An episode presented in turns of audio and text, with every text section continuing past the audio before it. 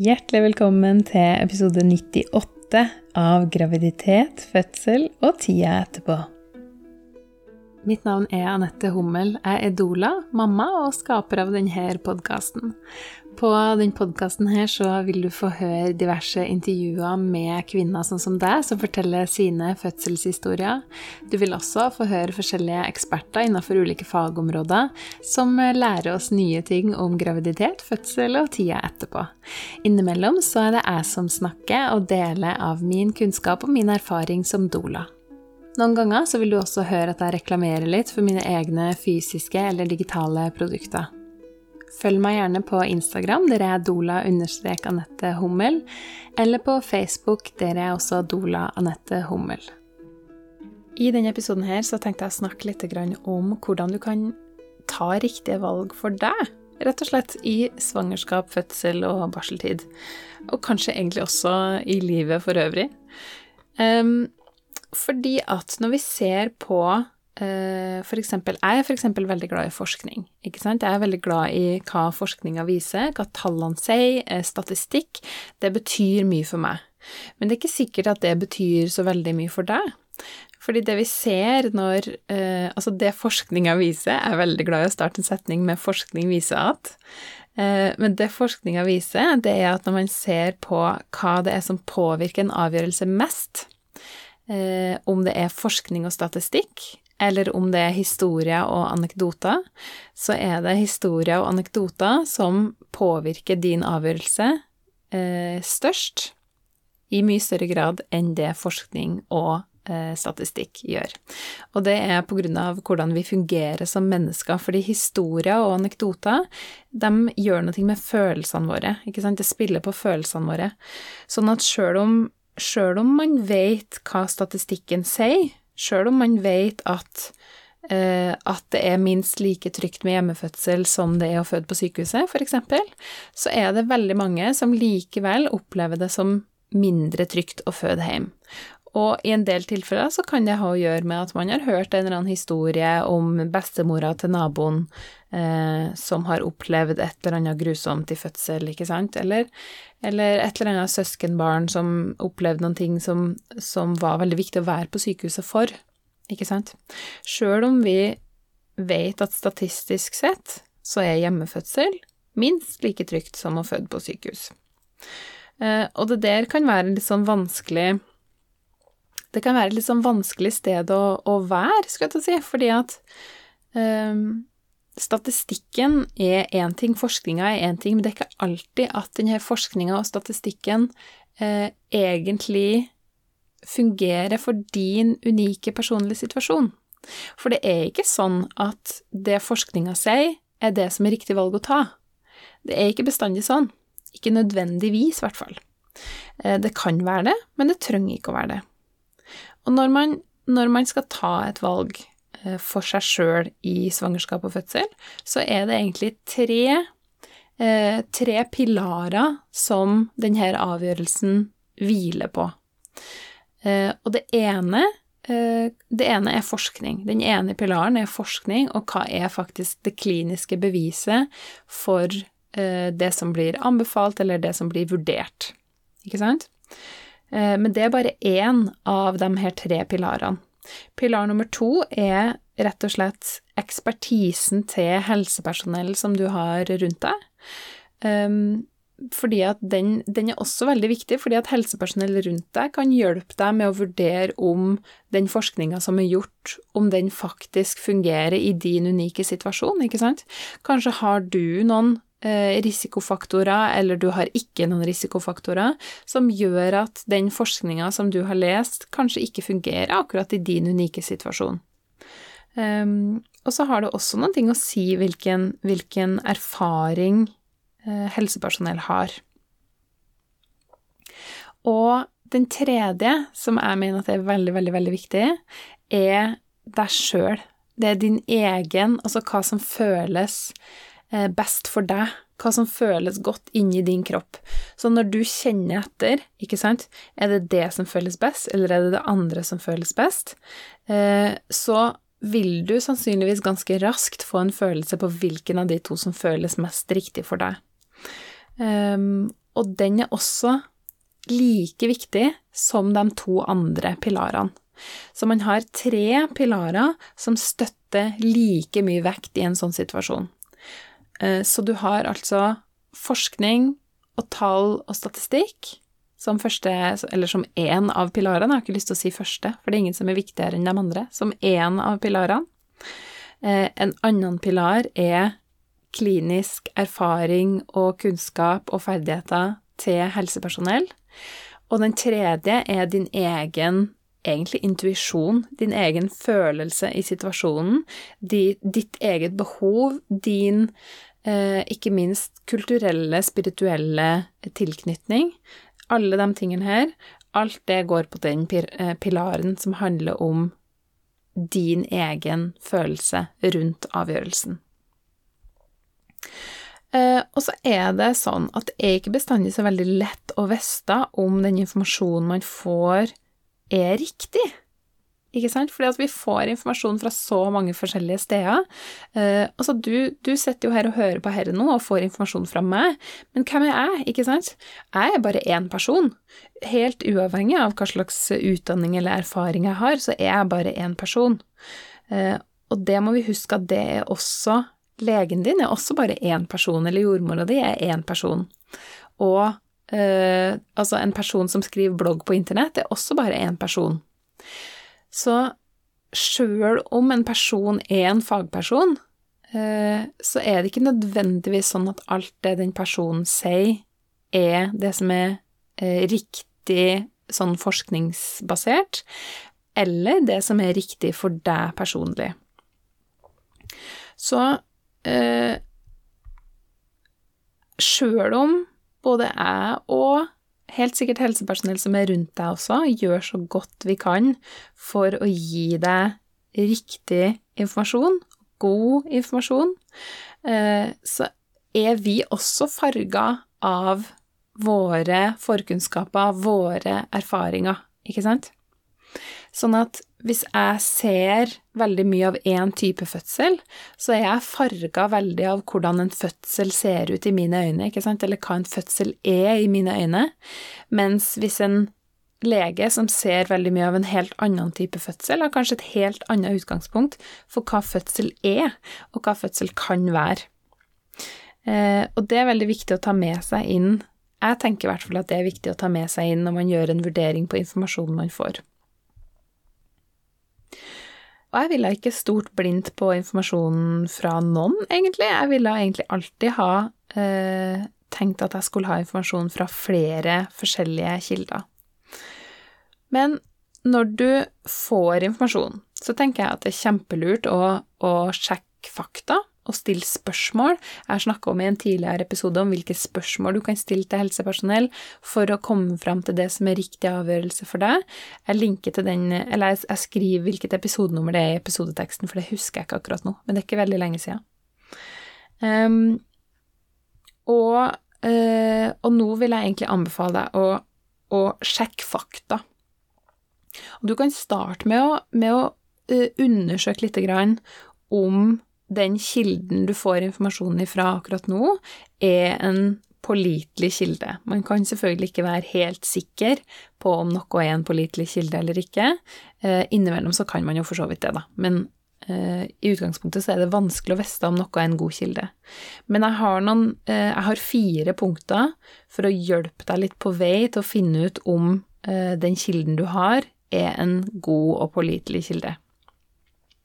Så hvis du får ny informasjon, så kan du stille deg noen spørsmål for å undersøke i deg sjøl kommer denne informasjonen fra en god kilde eller ikke. Eh, og det er kjempefint å ta med seg når du f.eks. googler noen ting. ikke sant? Vi googler jo alt nå for tida. Jeg gjør det sjøl, jeg googler kjempemasse. For å finne ut er det her en god kilde, eller er det ikke det, så kan du stille deg fire spørsmål. Eller fire kategorier spørsmål, egentlig. Det første er høres det for bra eller for dårlig ut til å være sant? Ok? Og den her er litt sånn vag, ikke sant? Men hvis det er sånn at du, at du får ny informasjon, og så høres det helt vanvittig ut, ikke sant? Enten helt sånn Wow, det er jo helt sprøtt. Altså at det går an. Um, eller at, at, du blir liksom uh, skremt av det, for det høres så ekstremt dårlig ut. Um, og den her alene er ikke nok til å si at noen ting er en dårlig kilde, ikke sant? Men det, man må alltid se det i sammenheng. Men det er i hvert fall ene, eh, den ene kategorien. Høres det for bra eller for dårlig ut til å være sant? Nummer to. Refereres det til gode faglige kilder? Den her er viktig. Fordi at noen ganger så ser jeg at, at det gjøres Altså det skrives noen ting, eh, kanskje på sosiale medier, kanskje på Kanskje i en e-post, kanskje i en blogg, eller noe sånt. Og så eh, refereres det til kildene, men kildene er f.eks. en meningsytring fra en lege. Ikke sant? Og det kan virke som en god kilde, men en meningsytring eller en kronikk f.eks. skrevet av en lege er fortsatt skrevet av én person. Så jeg vil ikke si at det er en god kilde. En bedre kilde er f.eks. link til en forskningsartikkel. Det er en bedre kilde enn en, enn en kilde enn en link til en kronikk, ikke sant? Eller en link til f.eks. Helse-Norge er kanskje en bedre kilde eh, enn en link til et blogginnlegg, sant? Så sjekk også kildene. Nå er det jo på sosiale medier, f.eks., så er det jo ikke bestandig at man, at man eh, skriver hvilke kilder man har, men da går det alltid an å, å be om kilder, ikke sant, enten i kommentarfeltet eller sende en melding. Ikke på en sånn furten-måte, sånn liksom 'hei, har du kilde på det her', men, men, mer som en sånn 'jeg er interessert i å lære mer om det', eh, kan du si litt mer om hvor jeg kan, hvor kan jeg lese mer om dette, ikke sant? Eh, for da får man gjerne eh, tips om, om eh, hvor du kan finne gode kilder hen. Nummer tre. Brukes det skremmende språk? som for eksempel giftig, farlig, grusomt. For det er gjerne språkbruk som brukes for å overbevise, som jeg snakka om i stad, ikke sant, at når du hører historier og anekdoter, så spiller det på følelsene dine, og det er det sånne ord som det her gjør. Eh, så for eksempel når det skrives om ja, forskjellige ting, da, ikke sant, som, som, kan gjøres i svangerskap og sånt. Hvis, hvis eksempel noen skriver at uh, ultralyd er kjempefarlig, og babyen din kommer til å dø av ultralyd, sant, så, uh, så er det typisk sånn her type skremmende språkbruk. Og det betyr heller ikke automatisk at det som sies, er feil. Det betyr bare at jeg ville ha vært litt varsom med den kilden, og jeg ville ha leta etter flere forskjellige kilder. Fordi her virker det som at det er noen som prøver å, å skape en emosjonell reaksjon i deg for å få en, um, en sånn wow-respons.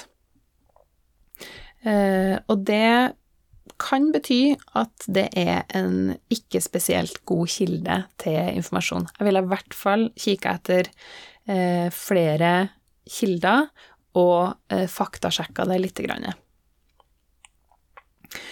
Eh, og så kommer jeg til punkt nummer fire, som jeg også har vært litt inne på allerede, egentlig. Er det her faglig informasjon, eller er det meninga til noen? Ok? Det er en ganske viktig Eh, ting å differensiere mellom. For som jeg nevnte i stad, når det er en meningsytring, en kronikk f.eks., er ofte basert på noen sin mening, og det er ofte så kan blogginnlegg og Instagram-innlegg kan også være det, ikke sant?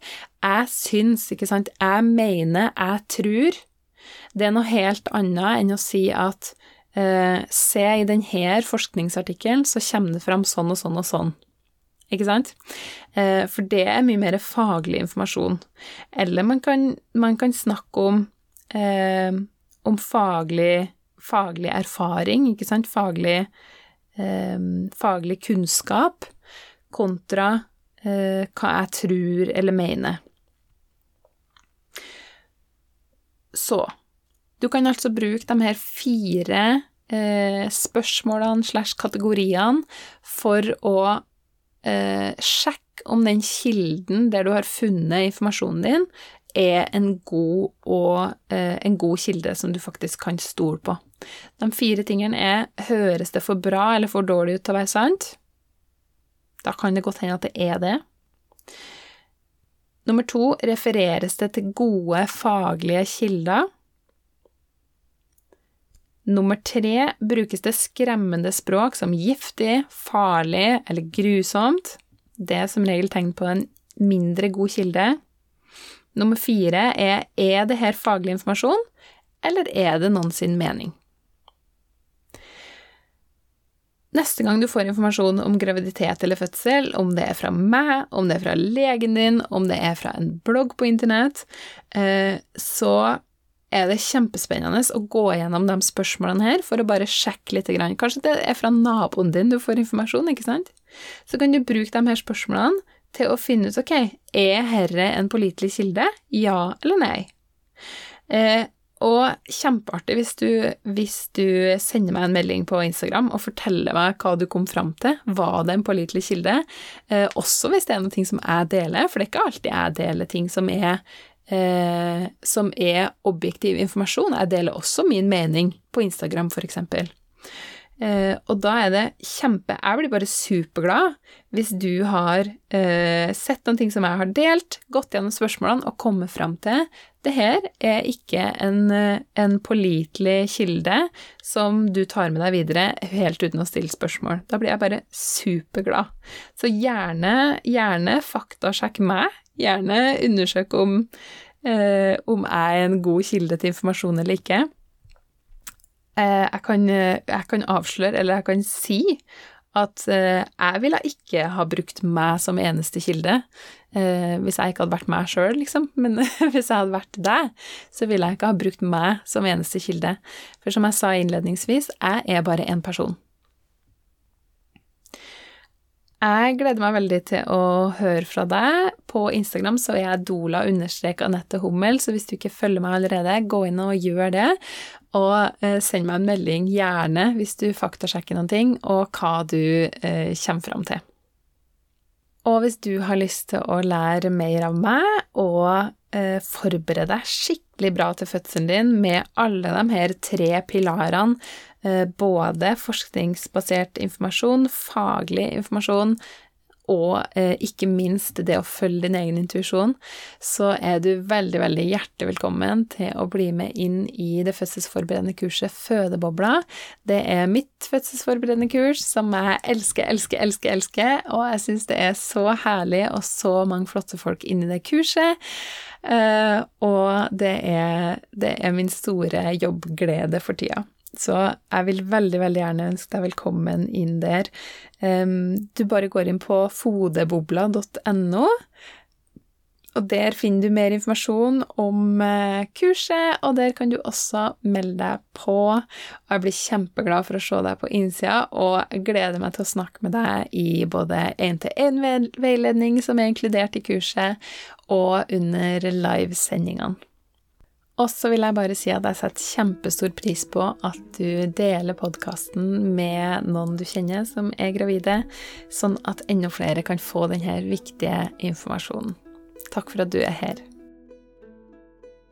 Tusen takk for at du hører på graviditet, fødsel og tida etterpå. Hvis du likte denne episoden, så blir jeg kjempeglad hvis du deler i sosiale medier eller med venner eller bekjente. Veldig gjerne tagg meg hvis du deler på sosiale medier, sånn at jeg kan si tusen takk og si hei til deg. Og du er hjertelig velkommen til å gå inn på anettehummel.com gratis og laste ned alle de tingene som jeg deler gratis der. Og det kommer stadig vekk nye ting der, så du må gjerne gå inn og sjekke om det har kommet noe nytt siden sist du sjekka. Tusen takk for at du er her, og jeg ønsker deg et nydelig svangerskap og en fødsel på dine egne premisser. I tilfelle det var noen tvil, så vil jeg også nevne at jeg ikke er verken lege eller jordmor.